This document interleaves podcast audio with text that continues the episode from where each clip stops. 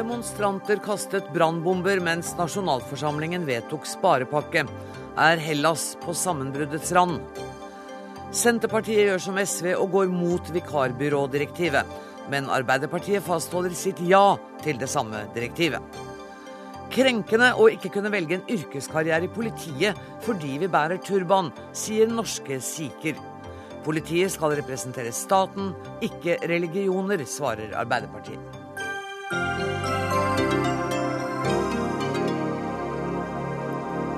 I løpet av denne sendingen skal vi også minnes Whitney Houston, som døde lørdag. Men aller først. Mens opptøyene raste i gatene utenfor, vedtok den greske nasjonalforsamlingen i går omfattende innsparinger.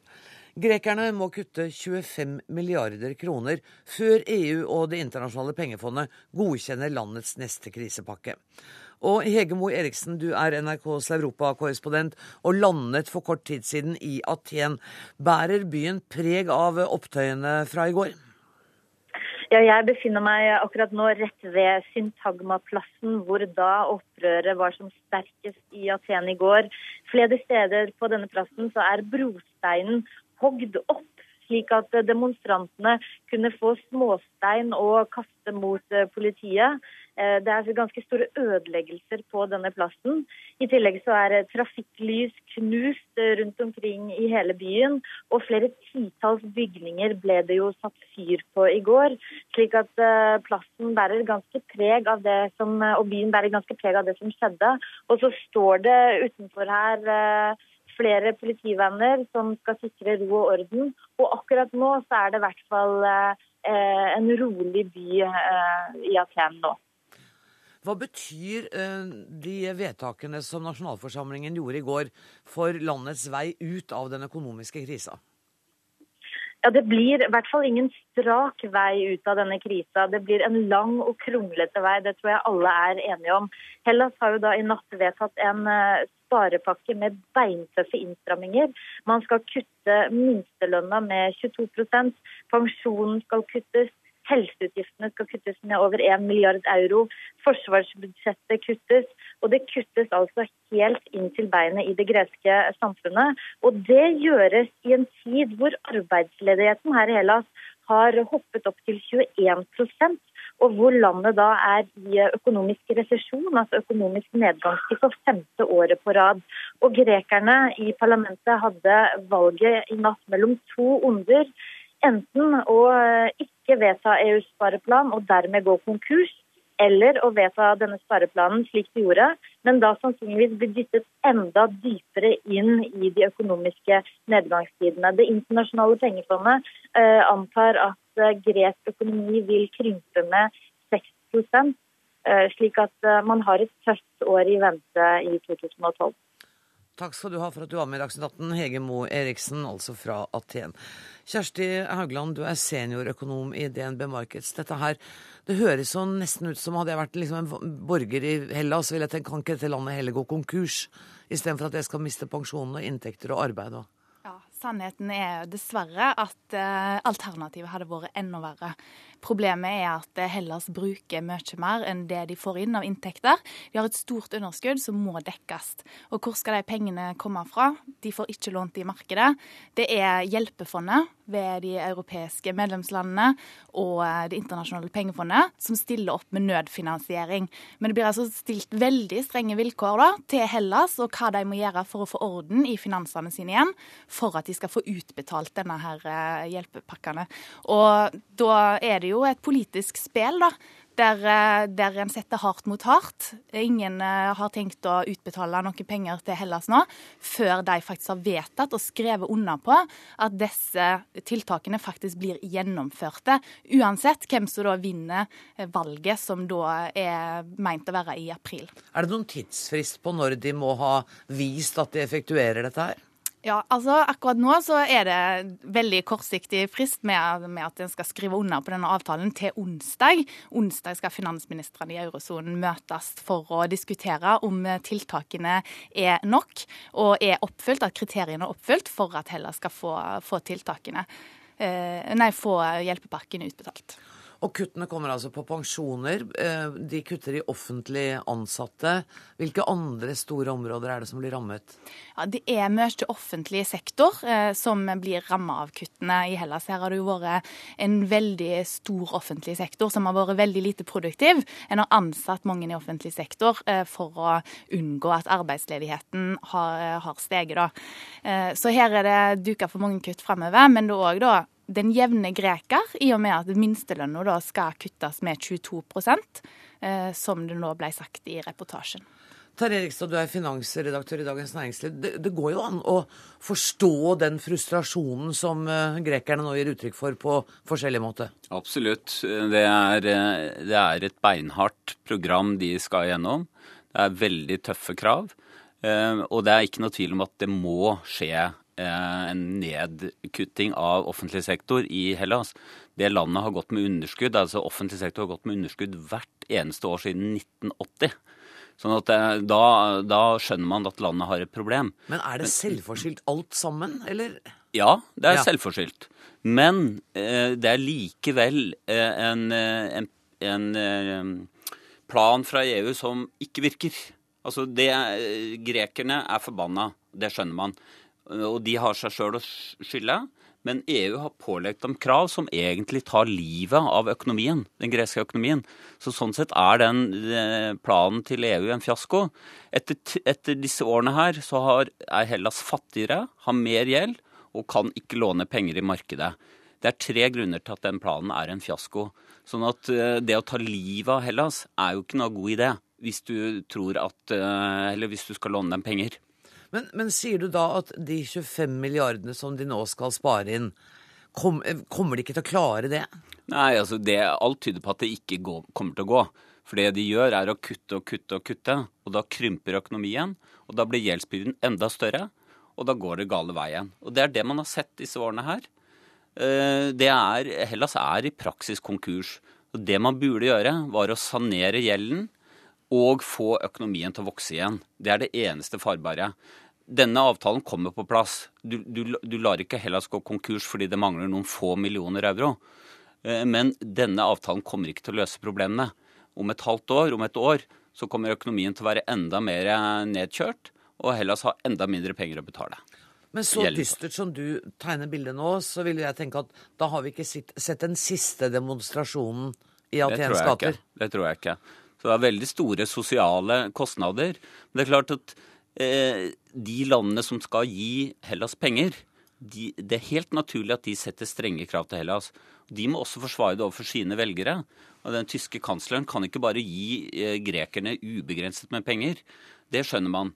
Men det er klart at eh, hvis man stiller så strenge krav at Hellas ikke klarer å få økonomien sin til å vokse, så eh, er det ingen løsning. Da, da, det bare, da blir det bare et nederlag både for tyskerne og EU og for Hellas.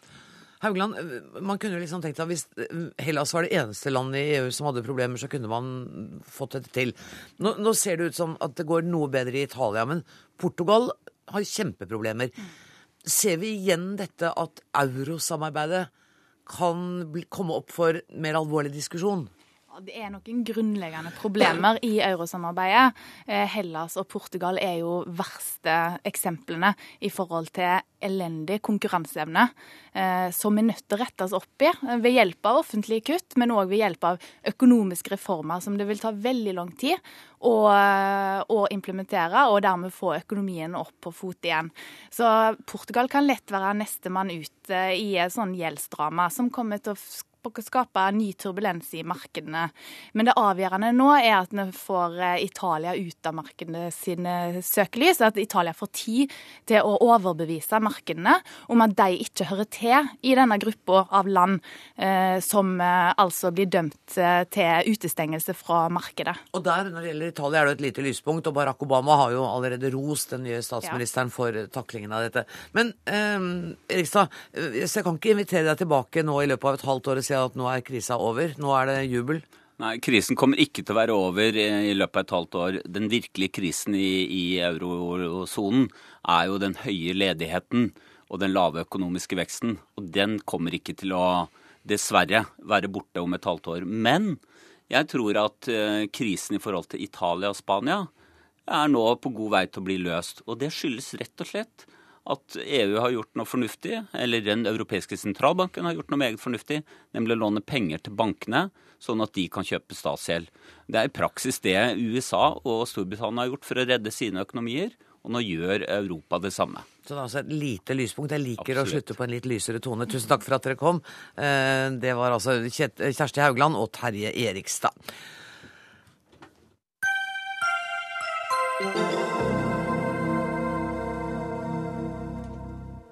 Som vi har hørt, så er altså regjeringen splittet i spørsmålet om vikarbyrådirektivet.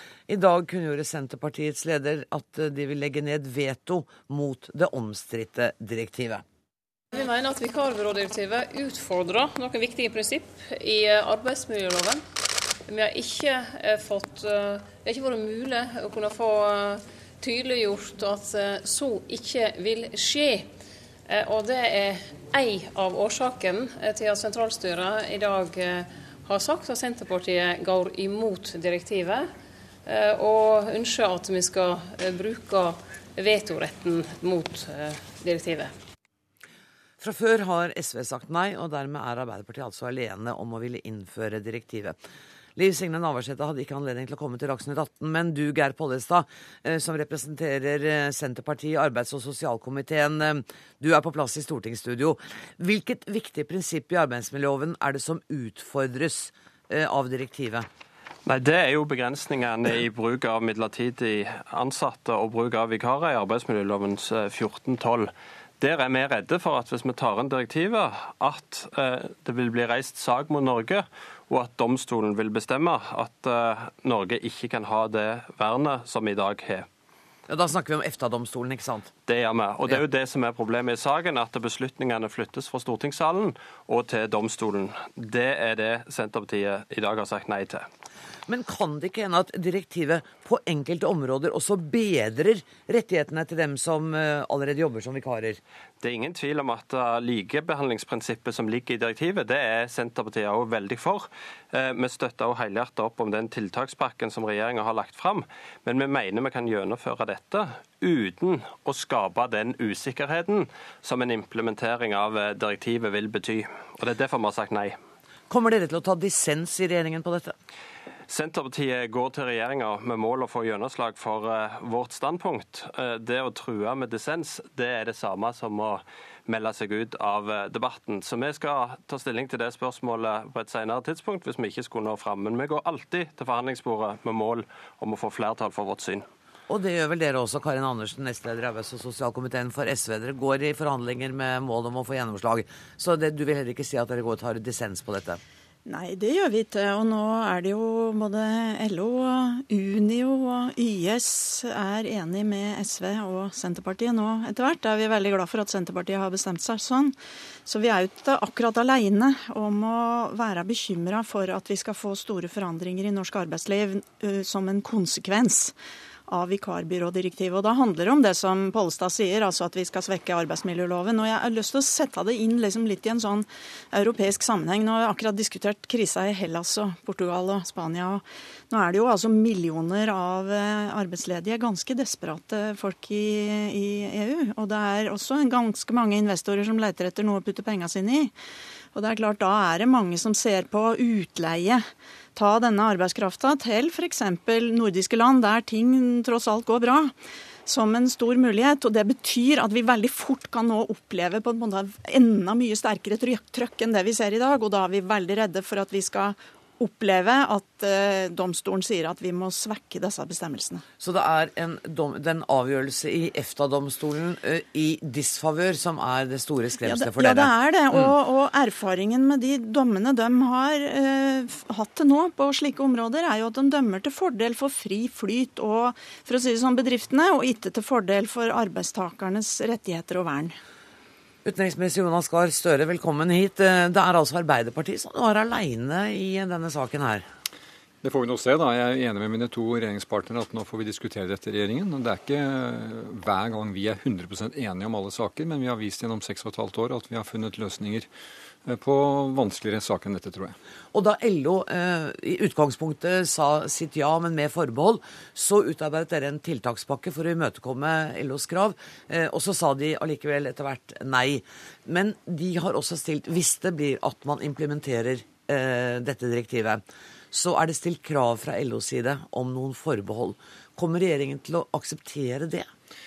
Ja, de har jo vært på høring, eh, disse, eh, denne tiltakspakken. Eh, der er det kommet mange syn på det. Men det er jo punkter som vi vil legge vekt på å gjennomføre, i tillegg til at vi går inn for dette direktivet. La meg si, fordi det, det flyr mange ord gjennom rommet her nå, i studio. Dette er jo et direktiv som tar sikte på å likebehandle vikarer med de som jobber vanlig. At de skal få høyere lønn, bedre regulert arbeidsmarked. Fagbevegelsen i Europa har vært en pådriver for det direktivet. Den sterkeste motstander har vært britiske statsminister David Cameron. Så vår mening at dette direktiv er bra for de som allerede er vikarer. Det kommer til å gjøre det mer omstendelig å ansette vikarer. Det kommer trolig til å redusere trykket på vikarer. Og så er det andre useriøse tilstander i norsk arbeidsliv som vi må håndtere både med den tiltakspakken vi nå skisserer, og andre tiltak mot uh, sosial dumping. Her tror jeg vi deler målet, nemlig et seriøst arbeidsliv som gir grunnlag for fast ansettelse for de som ønsker det. Vikarer vil du alltid trenge i noen faser, men det skal ikke være slik at det skal være en lettvint vei ut av det å gi folk eh, fast ansettelse. Pollestad, det, hører, det høres ut for meg som om dere alle tre er enige i målet. Altså, den rød-grønne regjeringa har jo et stort engasjement for å styrke og ha et anstendig arbeidsliv. Og så har vi ulik tilnærming til dette som går på EØS-problematikken. Eh, jeg tror uavhengig av hvor vi konkluderer i denne saken, så vil vi framover ha behov for en regjering som står på sterkt for eh, Eh, sikre et anstendig arbeidsliv, fordi at utviklinga i Europa vil bety at vi vil få press på norske goder. Men da blir det feil å starte med å skape usikkerhet rundt prinsippet om fast ansettelse som hovedregel. Vi må ha begrensninger i bruken av midlertidig ansatte og vikarer, og det er det Senterpartiet har slått fast at vi ønsker i dag. Ja, ja, til dette med å likebehandle vikar, vikarene. Det er vi jo alle enige om.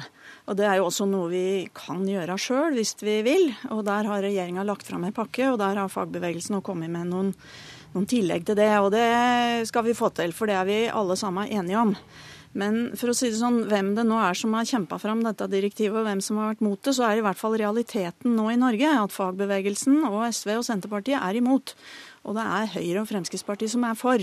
Eh, det er, det er situasjonen i Norge. Og det eh, sier Altså de vurderingene som ligger bak det, mener jeg man må se veldig nøye på. Det er derfor også i dag eh, jeg har bedt om, sammen med fagbevegelsen, om at de de juridiske vurderingene som har vært gjort internt i regjeringa, blir offentlige. For de er veldig viktige. At man kan få se hva det er som er grunnen til at regjeringa har virka så skråsikker mm. til nå. Eller ikke regjeringa, men Arbeiderpartiet. For regjeringa har ikke konkludert. Nei, nettopp. Så det, for det er viktig å understreke at det er Høyre, Fremskrittspartiet og Arbeiderpartiet som nå går inn for eh, dette direktivet. Ja, det gjenstår jo å se, da. Men eh, Arbeiderpartiet har bestemt seg. Hittil har de sagt at de har bestemt seg. Og jeg mener nok at det må være grunn til å vurdere dette nå såpass mange av for å si sånn, gode samarbeidsrelasjoner gjennom mange år vurderer dette annerledes. Jonas Gahr Støre, jeg må spørre deg, eh, for Dere har sagt at eh, arbeidsmiljøloven er ikke truet. Eh, med de begrensningene dere legger i den tiltakspakken, så er det i orden. Men der er det jo ikke altså, Jeg skifta et blikk på Advokatforeningens høringsbrev de er jo ikke helt sikre på at arbeidsmiljøloven står urørt. La meg ta to ting. For det første så tror jeg vi lever i en verden hvor våre regler som begrenser innleie, de kan utfordres i dag hvis noen ønsker det. Uten dette direktivet, fordi vi har et arbeidsmarked i Europa som gir rett til fri bevegelse av arbeidskraft. De begrensningene vi har på innleie i dag, som vi er opptatt av å beholde, de har de i mange EU-land. Frankrike, Sverige, en rekke. Der er de ikke blitt utfordret med dagens regler, og heller ikke med vikarbyrådirektivet. Så har juristene hos oss vurdert det. Vil vi kunne beholde disse reglene om vi innfører vikarbyrådirektivet? Og da har juristene i Arbeidsdepartementet, Regjeringsadvokaten, Utenriksdepartementet og LO kommet med at det mener de de kan. Men så sier noen ja, men kan dere garantere det? Og det må jo være ærlig på å si at i denne type rettsstat vi lever i, så kan du ikke utstede en garanti på sånne områder. Men jeg ber om å bli trodd på at vi, jeg sitter jo ikke her og og sier feil altså Hvis det er slik at juristene kommer til at dette er veldig utsatt, så må vi forholde oss til det. De er kommet til etter en vurdering som er en pro og con-vurdering internt. og dette, Når vi ikke offentliggjør det uten videre, så er det fordi at dette kan jo senere bli brukt i saker. Vi ønsker ikke å, å spille ut våre interne vurderinger pro og con, men konklusjonen er dem. Jeg ville jo ikke snakket for de konklusjonene om de var motsatt. Mm. Og dette er da fire forskjellige juridiske kilder, inklusive LO, som i sin tid kom til at vi kan føle oss rimelig trygge på det. Så trygge på at vi mener at det ikke er utsatt utsatt med direktivet. I tillegg gir direktivet beskyttelser for en gruppe som trenger det. Og så har vi en tiltakspakke som er veldig ambisiøs, og som vi med det flertallet vi har, og der er vi enige, skal klare å og få gjennomført til det beste for norske arbeidstakere. Men, det, men, situasjonen er jo sånn at uh, vi har ESA som passer på Norge. Mm. Uh, og den passer ikke på EU. Uh, og man, nå er det lagt fram en sånn stor utredning om, om EU og Norge og EØS. Og Der viser det jo at Norge på en måte er veldig gode til å passe på reglene og følge dem, og at eh, ESA passer veldig godt på Norge. At vi liksom følger alt til punkt og prikke. Og Det som har vært en varsel i Norge, er jo at arbeidsgiverne sier at jo, de vil faktisk ta saken opp. Uh, og I de andre landene som det vises til her, så har jo dette regelverket virka veldig kort, og de har ikke noen ESA. De, for å si det sånn, de, de kjører ikke den, det sporet så veldig hardt. Sånn at jeg vurderer nok også helt klart at risikoen for at de norske bestemmelsene blir utfordra, er mye høyere. Men da skjønner jeg at du, også fordi noen har varsla at det de har tenkt å gjøre det. Det du og Senterpartiet er mest bekymra for, er at NHO har varslet at de vil få prøvd dette innenfor ja, og fordi, og fordi Advokatforeningen er så klinkende klar, og fordi det er jo derfor vi ønsker å se de eh, vurderingene som er gjort av advokater som regjeringen har hatt. Fordi, fordi det, Men det får dere ikke, det har han nettopp argumentert for. så den, har, vi lar den ligge der. Det har han ikke sagt at vi ikke får. Eh, det oppfatter jo. jeg ikke. Nei, altså Det kommer innsyns, innsynsbegjæringer vi skal svare på. Jeg bare forklarer at når våre jurister gjør pro og con-vurderinger med en klar konklusjon, så er det ikke sånn at vi legger dem ut automatisk. Men altså, SV og Senterpartiet er imot EØS-avtalen og de er imot ESA. Eh, og det er en respektabel syn. Jeg kan love deg det, Karin Andersen, at EU-landene har tilsvarende ESA. Det heter EU-kommisjonen. Passer veldig godt på hva EU-landene gjør. Og Poenget er jo at de to institusjonene skal jo passe på at reglene blir fulgt. Det jeg vil understreke, er at denne avtalen, og det må jeg få lov til å si, har gitt norske arbeidsplasser en betydelig fordel. Det er knapt noe land det går bedre med, norsk, med, med arbeidsliv næringsliv, inntjening og sysselsetting enn Norge. Så det tyder jo på at over, i det store bildet så, så fungerer de reglene dette, godt for Norge. Dette handler, også, dette handler altså ikke Vet Pollestad, vær så god. Dette var jo en ikke uvanlig festtale for EØS-samarbeid fra, fra utenriksministeren. Men jeg vil bare slå med Senterpartiets stortingsgruppe har sendt brev til arbeidsministeren, og der har vi for så vidt fått et svar som påpeker det som er det sentrale i saken, nemlig at Kommisjonen vil aldri kunne gi noen form for rettslig forhåndsgaranti, og at det er EFTA-domstolen som kan fatte avgjørelser.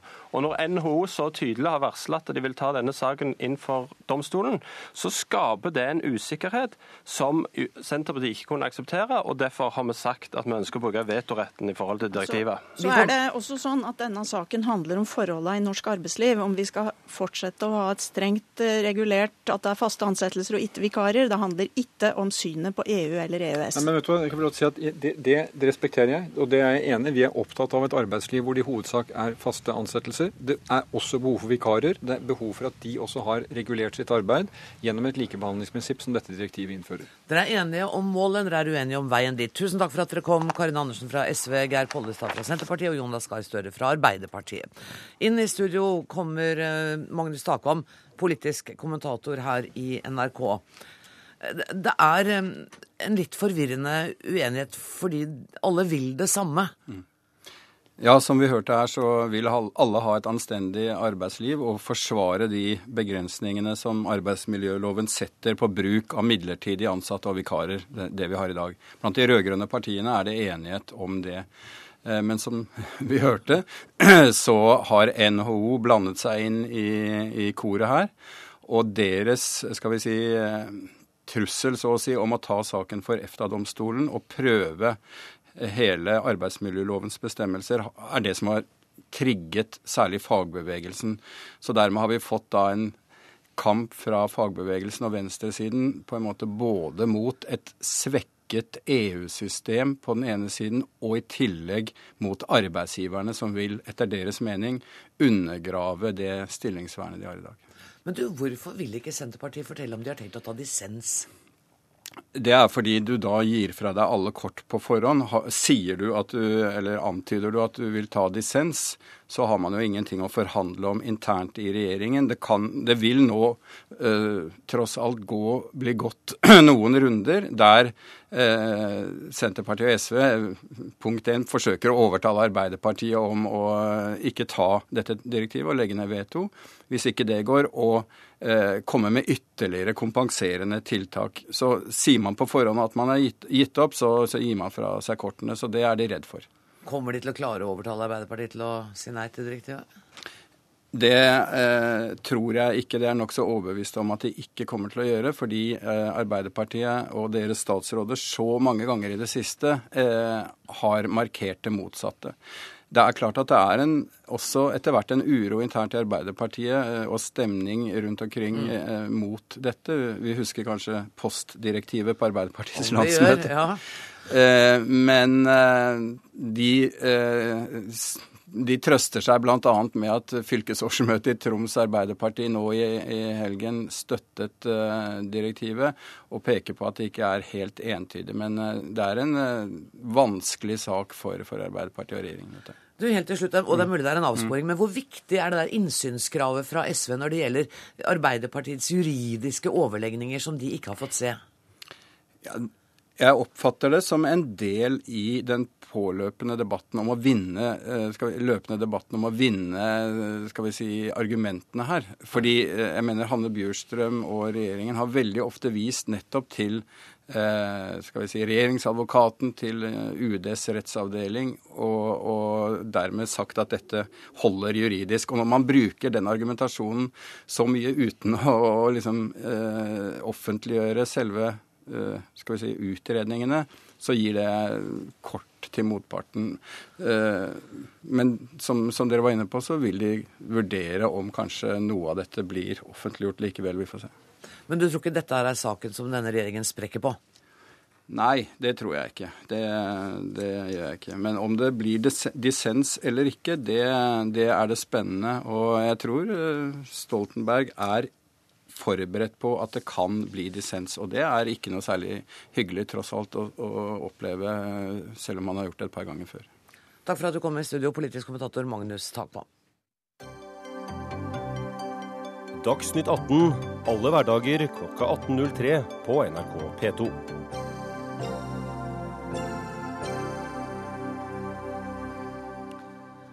I går hyllet musikkbransjen Whitney Houston under den årlige utdelingen av Grammy-prisene, bare timer etter at hun døde. If I should stay, I would only be in your way. So I go, but I know I'll think of you every step of the way.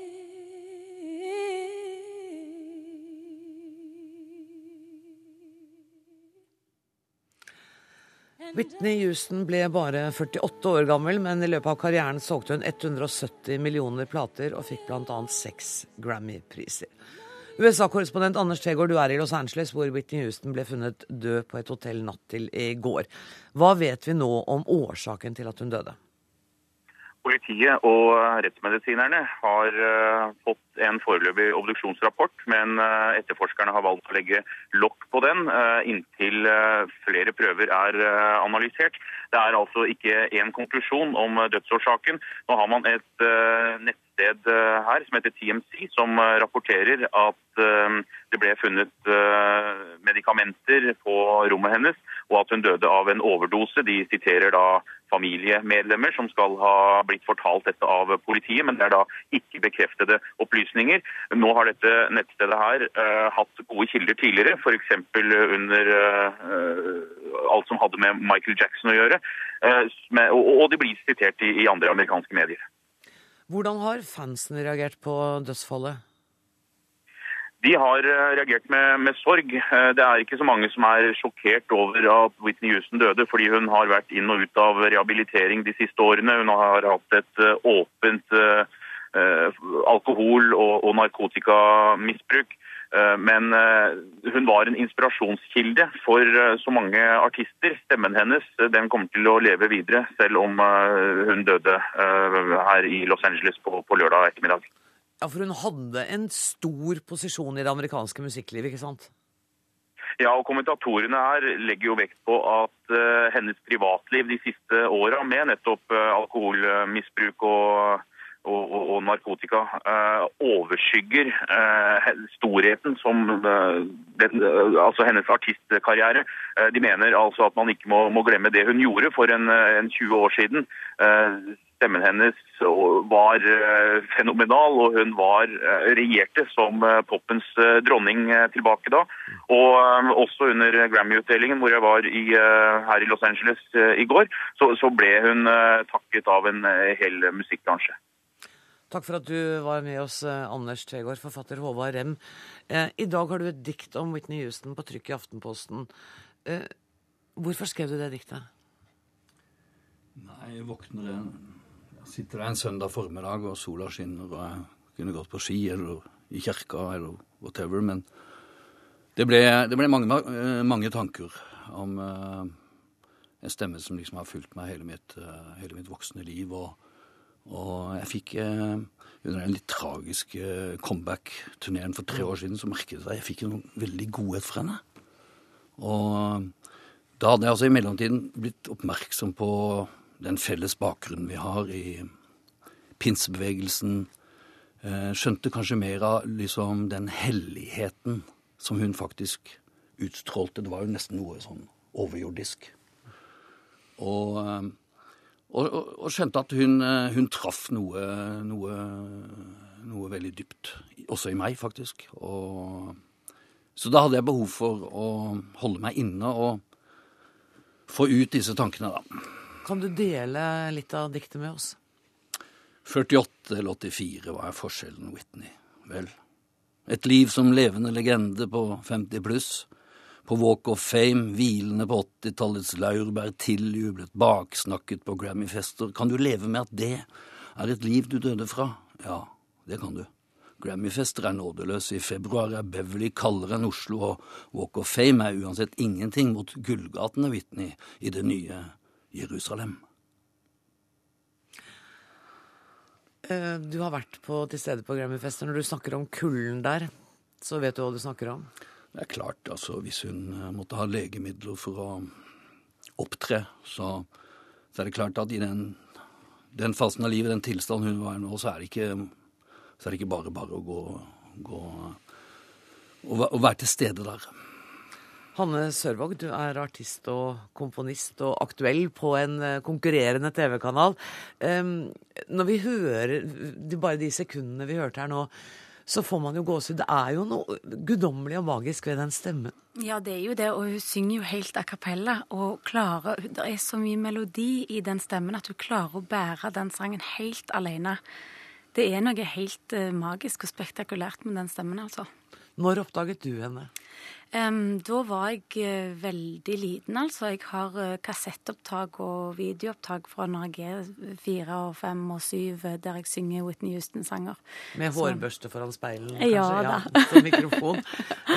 har, hun, har hun vært et et musikalsk ideal for deg som du har prøvd å tilstrebe? Ja, eh, det har vi jo så mange av oss artister når vi vokste opp med Whitney Houston og sunget til de sangene og hit etter hit eh, prøvd å, å kopiere de der trillene som Whitney Houston bare hun kunne gjøre så enkelt, og som vi måtte streve lenge for å komme i nærheten av. Eh, så har jo det inspirert både synlig og usynlig. Og så tenker jeg at hun var mye mer enn en popstjerne. Og må det kanskje en type lidelse eller et levd liv i hvert fall til for å kunne formidle så ekte, Rem?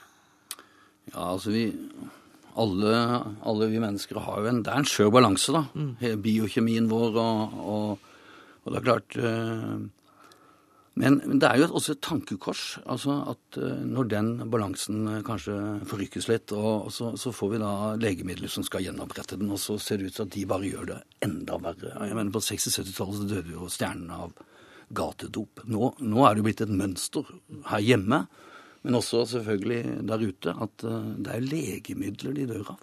Det, det er jo et tankekors. Jeg så Anne Holt skrev på Twitter at hvis så mange hadde snakket pent om Whitney Houston mens hun levde, som vi nå gjør etter at hun er død, ja, så hadde hun kanskje levd. Har det vært, for, har det vært for få mennesker rundt henne som har vært glad i henne eller turt å snakke til henne, tror dere?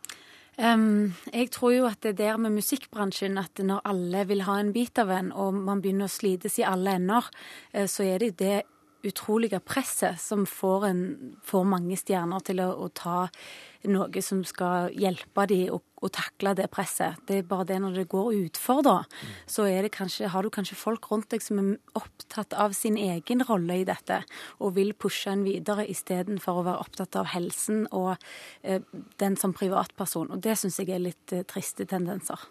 Hva er det vi kommer til å huske? Kommer vi til å huske det litt slitne mennesket fra turneen for tre år siden, eller kommer vi til å huske den fantastiske stemmen? Hva tror dere?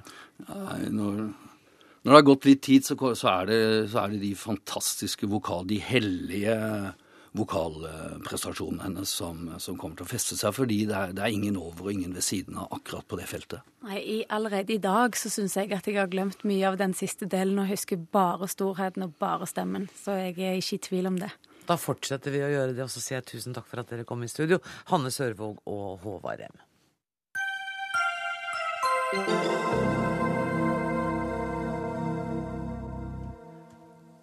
Den nyvalgte konservative statsministeren i Spania, Mariano Rajoy, ehm, vil, at, vil ha Gibraltar tilbake fra britene. Det skriver Aftenposten. Halvøya har vært underlagt Storbritannia i 300 år. Um, vi har hatt litt kaos med hvem som skulle inn og ut av dette studio. Akkurat nå var det deg, Øyvind Brattberg. Vi snakker om Storbritannia og Gibraltar. Du er Storbritannia-ekspert ved Universitetet i Oslo. Hvor står denne saken nå?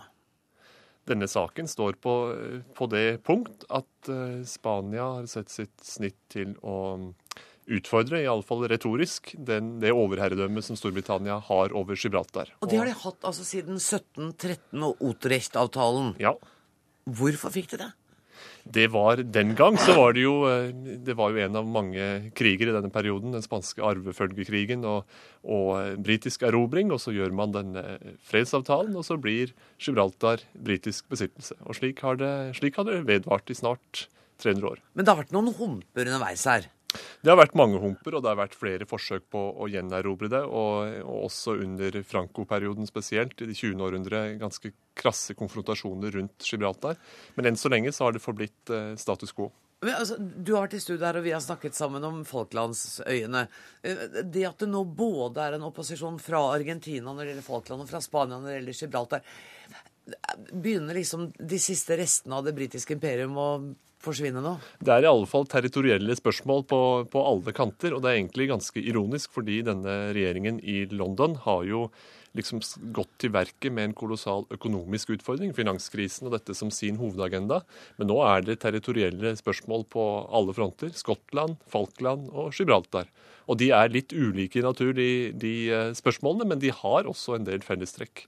Men jeg, men jeg så da eh, Cameron på TV forleden dag si at vi vil forsvare eh, engelskmenn og deres rettigheter hvor de enn er i verden. Så kommer denne biografien til den tidligere EU-ministeren Haynes, Hayne, eh, som sier at eh, Tony Blair var villig til å forhandle om Gibraltar mm. for, i, i, noen vanskelige EU-forhandlinger. Mm. Så de er, de er, ikke like solidariske med egne landsmenn uansett, liksom? De var, Blair skal ha vært villig til å, å, forhandle med Storbritannia om en form for delt suverenitet over Gibraltar, hvor det ble en slags sånn tre tredeling mellom befolkningen selv og Spania og Storbritannia, og var klart til å sette i gang. Det ble intenst eh, imøtegått, eh, imøtegått godt i, i, strid med av Gibraltars befolkning selv, som slett ikke ønsker noe, noe nærmere forbindelse til Spania. Men det er jo ikke noen stor befolkning det heller, da?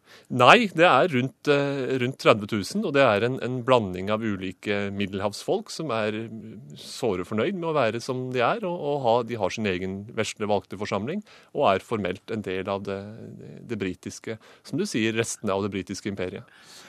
Men tenker du at, at, det kan få lov å fortsette å være sånn? Tror, hvis, skulle, hvis jeg skulle be deg spå liksom 20 år fram i tid?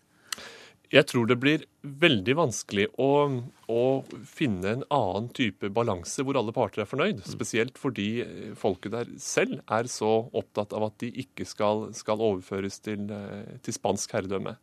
Og hvis man er opptatt av eh, folkesuverenitet i en eller annen form, enten det er store eller små folk, så er det vanskelig å se for seg at Spania skal kunne overta dette, selv om de geografisk og territorielt skulle ha god grunn til å gjøre det. Men nå har jo den spanske statsministeren sagt at dette spørsmålet skal øverst opp på dagsordenen. Så noe politiske nye bulker i veien, det, eller humper i veien, det kommer. Ja, det er klart at noen vil jo mene at, eh, at eh, en, en, fryktelig arbeidsledighet og, og, krise på mange fronter burde vært på toppen av den, eh, av den lista. Ja. Men det er riktig at, at, den nye spanske regjeringen har gjort dette til en, en stor sak. Og det kommer de nok til å, å fortsette å gjøre. Men jeg, jeg, tror at dette vil bli nok et eksempel på en hump i veien, og så ruller denne vogna videre. Tror du det? Ja. Jeg tror at vi og du og jeg kommer til å snakke mer om dette i løpet av noen måneder. Så jeg ønsker deg velkommen tilbake tilbake allerede nå. Det er det grunn til å håpe på. Takk skal du ha.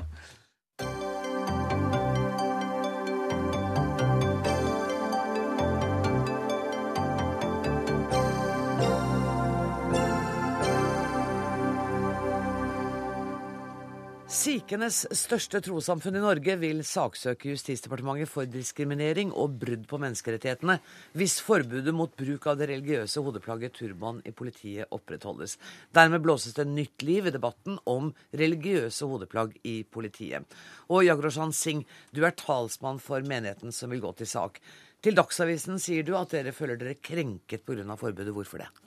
Ja, Det er eh, rett og slett at eh, vi mener at vi blir forskjellbehandlet ved at vi ikke blir stilt på lik linje med andre borgere i dette samfunnet. Eh, ved at vi ikke får ta bruk, altså bære turban i politiet. Og turban er jo vår faste identitet, og vi kan ikke gi avkall på den. Så ja. Og i England så f.eks. for eksempel, så har man tillatt det? Ja, man har, eh, altså hvis vi ser det sånn komparativt, så har vi uh, altså man har tillatt det i England, Canada, USA, Australia, New Zealand. Og det er bare ett, altså få eksemplene. Men selv i England er det jo begrensninger. Jeg leste nettopp i dag at eh, en politimann fikk ikke lov å gå ut i væpnet aksjon med turban. Eh, da ble han stanset eh, av overordnede. Så der, også der ser man jo at politiet har problemer, da. Altså, Nå kjenner jeg ikke til den saken uh, som uh, blir berørt her, men, uh, men man altså I England er det lov, eh, og, og eh, selvfølgelig så må, er det Man må ha altså, kompromiss med, med, med, med, politietaten der borte. At man på en måte er litt Altså det, det kan være et, altså et oppdrag som, som er Som man ikke kan f.eks. bruke den vanlige turbanen men at man må kanskje bruke noe annet. Da må det kunne finnes løsninger? Ja, finne løsninger. Det er svaret. fastsvaret. Jan Bøhler, du sitter i Stortingets justiskomité og er ikke enig i at de skal få bruke turban i politiet? Nei. Eh, jeg syns det er veldig positivt at de vil jobbe i politiet. Så den viljen er jeg glad for. Men vi har lagt til grunn at eh, politiet skal oppfattes av befolkningen som nøytrale, upartiske i alle situasjoner. Og det har jo vært en bred enighet i norske politiske miljø om at eh, vi vil gjerne ha eh, folk med alle slags hodeplagg og sånn inn i alle typer yrker. Men akkurat når det gjelder de som utøver fysisk makt i bestemte situasjoner og kommer opp i eh, Det kan være mennesker skal håndtere mennesker som er i en ustabil situasjon. Så vil vi at de som gjør det, i, eh, altså politiet, skal være absolutt partiske nøytrale. Nei, men, upartiske ja, nøytrale. Ja, nettopp. Ja. Men, men, vi husker jo alle at for noen år siden så utredet jo Politidirektoratet selv ja. mulighetene for å finne alternativer til uniformsluene mm. som kunne passe med turban og i og for seg en jihab. Ja. Nei, Det er riktig at det var en diskusjon for Det var i 2009 det regjeringen, det? Ja. konkluderte på det. Og eh, holdt fast på at det skal være et, eh, uniformen skal være nøytral og gi et upartisk inntrykk. Og hvis du tar eksempelet, altså hvilke konflikter du kan få at f.eks. Eh, og dette er jo ikke forskjellsbehandling, det gjelder jo alle religiøse plagg, eh, symboler, altså uavhengig om det er hijab eller eh, eller turban, eller om det er det som jødene bruker osv., så, videre, så eh, har vi samme regel. Men eksempelvis da med de motsetningene som er mellom ulike grupper, som f.eks. mellom sikher og muslimer, så ønsker vi altså at eh, de, eh, hvis en muslim som kan være i en ustabil situasjon, være i en trengt opp i et hjørne, skal håndteres av politiet, så kan det at man da f.eks. kommer med turban som eh, representerer sikher, som det er en god del motsetning, i hvert fall i hjemlandene, rundt dette, at det ikke skal kunne påvirke hvordan stemningen er rundt den arrestasjonen eller i den situasjonen. Så dette er et hensyn som jeg jeg er veldig glad for at uh, motdebattanten her og andre ønsker å begynne i politiet, men jeg skulle ønske at dette kunne være en felles minste multiplum. For vi ønsker de med hodeplagg velkommen i alle andre yrker.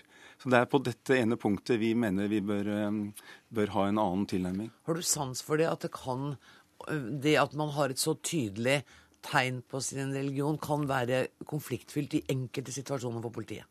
Altså, altså, Dette eksempelet er jeg faktisk enig i. Dette er veldig sånn hypotetisk søkt eksempel. uh, altså det, altså for det første så vil jeg bare avklare at det ikke er en konflikt mellom uh, sikhene og muslimene i det hele tatt.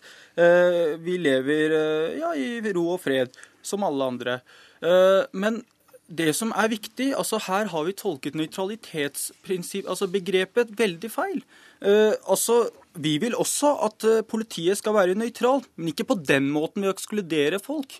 Eh, og, det syns vi er veldig feil. Og, konsekvensen av dette kan være fatale, altså. Uh, Hvordan da? Ja, altså, vi, altså, For det første så er jo dette en tillitssak. altså Vi får jo ikke den tilliten, i, vi får ikke den aksepten i samfunnet. Vi blir ikke akseptert i samfunnet på lik linje med alle andre borgere i dette samfunnet. Og vi mener at vi er vanlige borgere som alle andre. Og, og, og hvis jeg tar meg som et eksempel, så er jeg født og oppvokst her i Norge, og jeg mener at jeg har krav på de samme rettighetene. Eh, og, og, eh, ja. Eh, og, vi kan, man kan jo diskutere hvorfor, hvorfor man ikke vil ha turban synlig, får jeg spørre deg. Det er av den grunn som jeg sa at vi ønsker at politiet, som kan måtte håndtere veldig vanskelige situasjoner der mennesker er, er er så hissige og så vanskelig å ha med å gjøre at man trenger å opptre absolutt nøytralt, upartisk, så mener vi at uh, noen kan da bli påvirket at enten det kommer en med, med det ene eller andre religiøse hodeplagget, så kan de bli påvirket av det og føle at den, den ikke, er, ikke, opptrer nøytralt. Og Det skal vi ta hensyn til. Og så har vi lagt det til grunn. Og da forskjellsbehandler vi ikke noen. Det er jo ikke sånn at eh, du behandles noe annerledes enn andre som ønsker eventuelt andre religiøse plagg. Her behandler vi alle likt. Og det syns jeg at man også, når vi skal leve sammen i et flerkulturelt samfunn, og vi sier eh, velkommen til å bruke hodeplaggene, alle symboler, i alle sammenhenger, utenom akkurat denne maktutøvende rollen. Så syns jeg man kunne si her er man veldig tolerante i Norge. Her lever vi godt sammen. Og på dette punktet så bør vi kunne møtes og være enige om at vi skal ha en helt nøytral eh, politiuniform. Altså, altså, altså, man er jo La oss si at jeg ikke bærer turban, da. Så har jeg uh, andre faktorer som spiller inn. Jeg har jo en annen nasjonalitet, f.eks. Hudfarve osv. osv. Så, videre, så du kan på en måte ikke si at, si at uh, turbanen på en måte er unøytralt, hvor vi har mange andre uh, faktorer som også spiller inn. Og, du, altså Man kan jo ikke trekke en slutning ut ifra hvordan du ser ut. Det blir helt feil. Og, og, det er det som er poenget. Altså Menigheten vår mener at vi blir forskjellbehandla av den grunn. At, uh, at, vi blir stemplet som, som upartiske bare for vi bærer en turban. Og det er feil. Mm.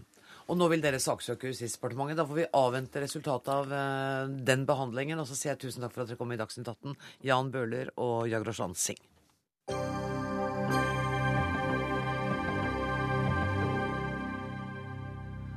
Han er en av de mektigste mennene i norsk bokbransje. Enkelt vil si at han hadde for stor makt over våre lesevaner i de nesten 20 årene som han var sjef for de norske bokklubbene. I dag kommer boka hans en bokpushers bekjennelser. Hjertelig velkommen, Kristin Erlandsson. Takk skal du ha. Du har sikkert tenkt på hva jeg kom til å spørre deg om. Ja, det har jeg. Hva er første spørsmålet mitt, da?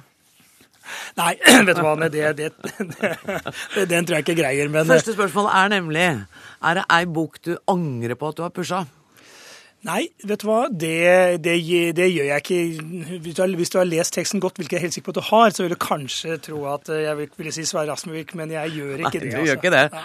Um, boka di, Du sier også i boka at dette her er ikke historien om de norske bokklubbene, for den skal noen andre skrive. Samtidig handler det jo naturlig nok mye om bokklubbene, for det er der du var i 20 år. Når jeg leser den, så tenker jeg han oppsummerer de 20 åra som kanskje den mest spennende perioden i livet sitt. Er det riktig? Ja, det er det, og du kan legge på de 14 som jeg var der i tillegg. Før det, så, ja, ja, ja. ja. ja da, jeg har hatt det fantastisk gøy, altså. Men det har jo gått litt øh, opp og ned på slutten.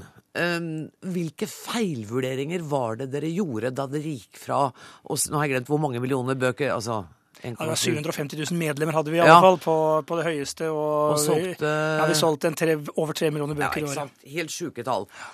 Hvilke feilvurderinger var det dere gjorde? Nei, men altså det, det er den klassiske, tror jeg, hvis man ser det i bakspeilet. eh, hvor man ser at eh, alt er eh, fantastisk. Vi, eh, vi vinner alle konkurranser med alle ut i markedet der. Vi måte, gruser det meste av det som eh, kommer mot oss, og eh, vi tror vi er uslåelige, nesten. altså. Og, og eh, det som skjedde i, i dette, var jo at, at det ble introdusert et nytt konkurranseelement i bokbransjen, som jo hadde på mange måter vært ganske mye regulert. Jeg sier vel et sted at med, med, med Bonnier kom synden inn i bokbransjen. Og det er jo selvfølgelig satt på spissen. Men, men poenget var, da begynte vi å konkurrere mye hardere i, i bokbransjen. Og da eh, blir det på en måte Konkurransens velsignelser blir også fort forbannelser. Særlig Og- for dem som har hatt nytt godt av noen fordeler, f.eks. 25% reduksjon i pris. Jo, men det, det, det hadde man over 30 år, og, og man brukte det, vil jeg påstå, veldig godt på den måten at man sørget for en veldig god kontakt mellom leser og forfatter, og man sørget for et godt utvalg av bøker, også de bøkene som, som leserne ikke visste at de gjerne ville ha, men vi kunne peke på dem.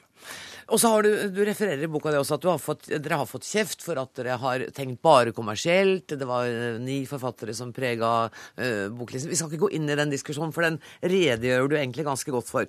Uh, men jeg har lyst til at du skal gjenfortelle en um, episode, en nattlig episode, uh, som jeg syns var um, ja, besnærende.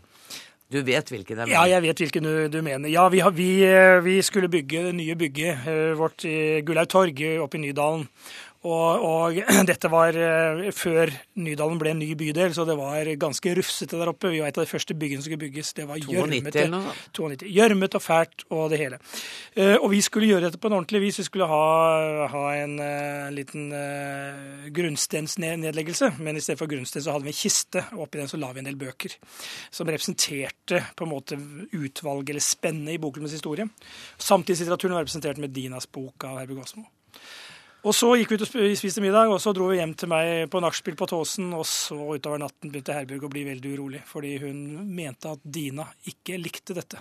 Hun lå der uten luft og eh, lå ned i kisten, og hun måtte opp. Så jeg skjønte at dette var alvor, så jeg var ute i garasjen, fikk tak i alt vi hadde av støvler, eh, spader, eh, brekkjern, og vi tok en drosje bort til eh, Nydalen. Gravde opp kista, brøyt den opp, tok ut Dinas bok, gravde ned igjen. Og dette skulle aldri bli fortalt, men jeg fikk lov av Herbjørg å ta det med i boka. Hvor midt på natta var dette? Nei, vi, altså, det kom tilbake på Tåsen, så var det speilegg og bacon og øl og dram og sånn ved 50 om morgenen, tror jeg. Og etter, ja. Jeg skal ikke spørre hvor, hvor mye dere drakk. Kristin Andersson, du har altså uh, klart å på en måte holde deg i bakgrunnen. Du kunne vært kringkastingssjef. Uh, du kunne ha vært leder for et, en stor bokorganisasjon under Kjell Inge Røkke. Er det noe av dette Du sa nei til begge deler. Er det noe av dette du angrer på? Nei, altså, jeg sier vel et sted, altså, bortsett fra de bekjennelser jeg gjør rundt det jeg angret eh, på før, eh, før bokklubbene på en måte eh, mistet sine fordeler, så har jeg liten evne til til å angre. Men jeg har nok sagt at skulle jeg ha jobbet et annet sted, så hadde det kanskje vært i dette hus, ja. Jeg har stor sans for hva dere bedriver. Det at du skulle bli direktør i Forleggerforeningen, det visste du ikke da du begynte å skrive boka di? Nei, og ikke før jeg hadde tre De tre siste arbeidsdagene satt jeg i et annet land og skrev for meg sjøl. Og så kom det en telefon. Jeg hadde virkelig ikke tenkt det. Jeg skulle være konsulent og litt styre sånn. Og jeg hadde så vidt begynt på et nytt bokprosjekt også. Oh, ja. Hva er det for noe? Ja, Det skal jeg ikke si noe Jo. Nei, dette har jeg lært av alle forfattere. Så nå sitter jeg helt stille. Du kan, jeg kan gi deg litt et hint. Hvis Ja. du ser på kapitteltitlene, så kanskje du får en litt Å, det skal handle om Rolling Stones. Eller musikk, kanskje. Eller musikk, ja. vi får se. Ok. Eh, men, ja, men sånn at, var det noe du måtte forandre i boka? Altså, Oi, nå er jeg direktør i Forleggerforeningen, nå må jeg se om jeg har tråkket noen på tærne i boka mi. Nei, altså jeg hadde en forlegger som var veldig klar på det. Som sa "Eh, det er fint at du har levert. For da hadde jeg liksom levert når jeg, før jeg sa ja, du er fint du har levert, du får ikke lov til å forandre noen ting. Og det har du ikke gjort, eller? Nei, nei, jeg har ikke det. Og så sa jeg til to av dem som ansatte meg, det var tre i arbeidsutvalget, og det var altså Tine Kjær eh, fra Piratforlaget og Tom Harald Jensen fra Cappelen Dam og Geir Berdal fra Oktober, så sa jeg til dere tre at to av dere er nok omtalt noen steder i boka, men dere får ikke vite hva jeg har skrevet. Og ingen, du har jo ikke begått karakterdrap på noen, så vidt jeg kan eh, lese i den boka. Nei, jeg håper ikke det. Men, men, du, er, men du er jo samtidig tydelig og klar i kritikken. Det Ja, var altså- konflikter med Cappelen Dam, f.eks. Ja, ja, definitivt. Og, og for bokhandlerne. Og jeg har også en gjennomgang av eh, hva jeg mener om dem som forlot bransjen straks etter at de har fått inn de nye rammebetingelsene. Og jo da, jeg er nok Jeg håper jeg er tydelig og klar, jeg håper jeg er tydelig og klar på hvor jeg er kritisk på meg sjøl, men også på det samme med andre. Du er en lesende mann. Kan ikke du i løpet av ti sekunder gi meg et boktips sånn på tampen av sendinga? Jo, altså, eh, jeg holder, holder akkurat nå på med Marit Karlsvik, eh, 'Bli Bjørk'. Jeg skal til Island på torsdag, og dette er altså en utrolig fin overgang til å ta seg en tur til Island. Da skal vi gjøre det, alle sammen. Jeg sier takk til Kristin Einarsson. Ansvarlig for sendinga i dag har vært Karoline Rugeldal. Det tekniske ansvaret har Lisbeth Sellereit. Jeg heter Anne Grosvold, og vi høres igjen om ca. 23 timer. Takk for nå.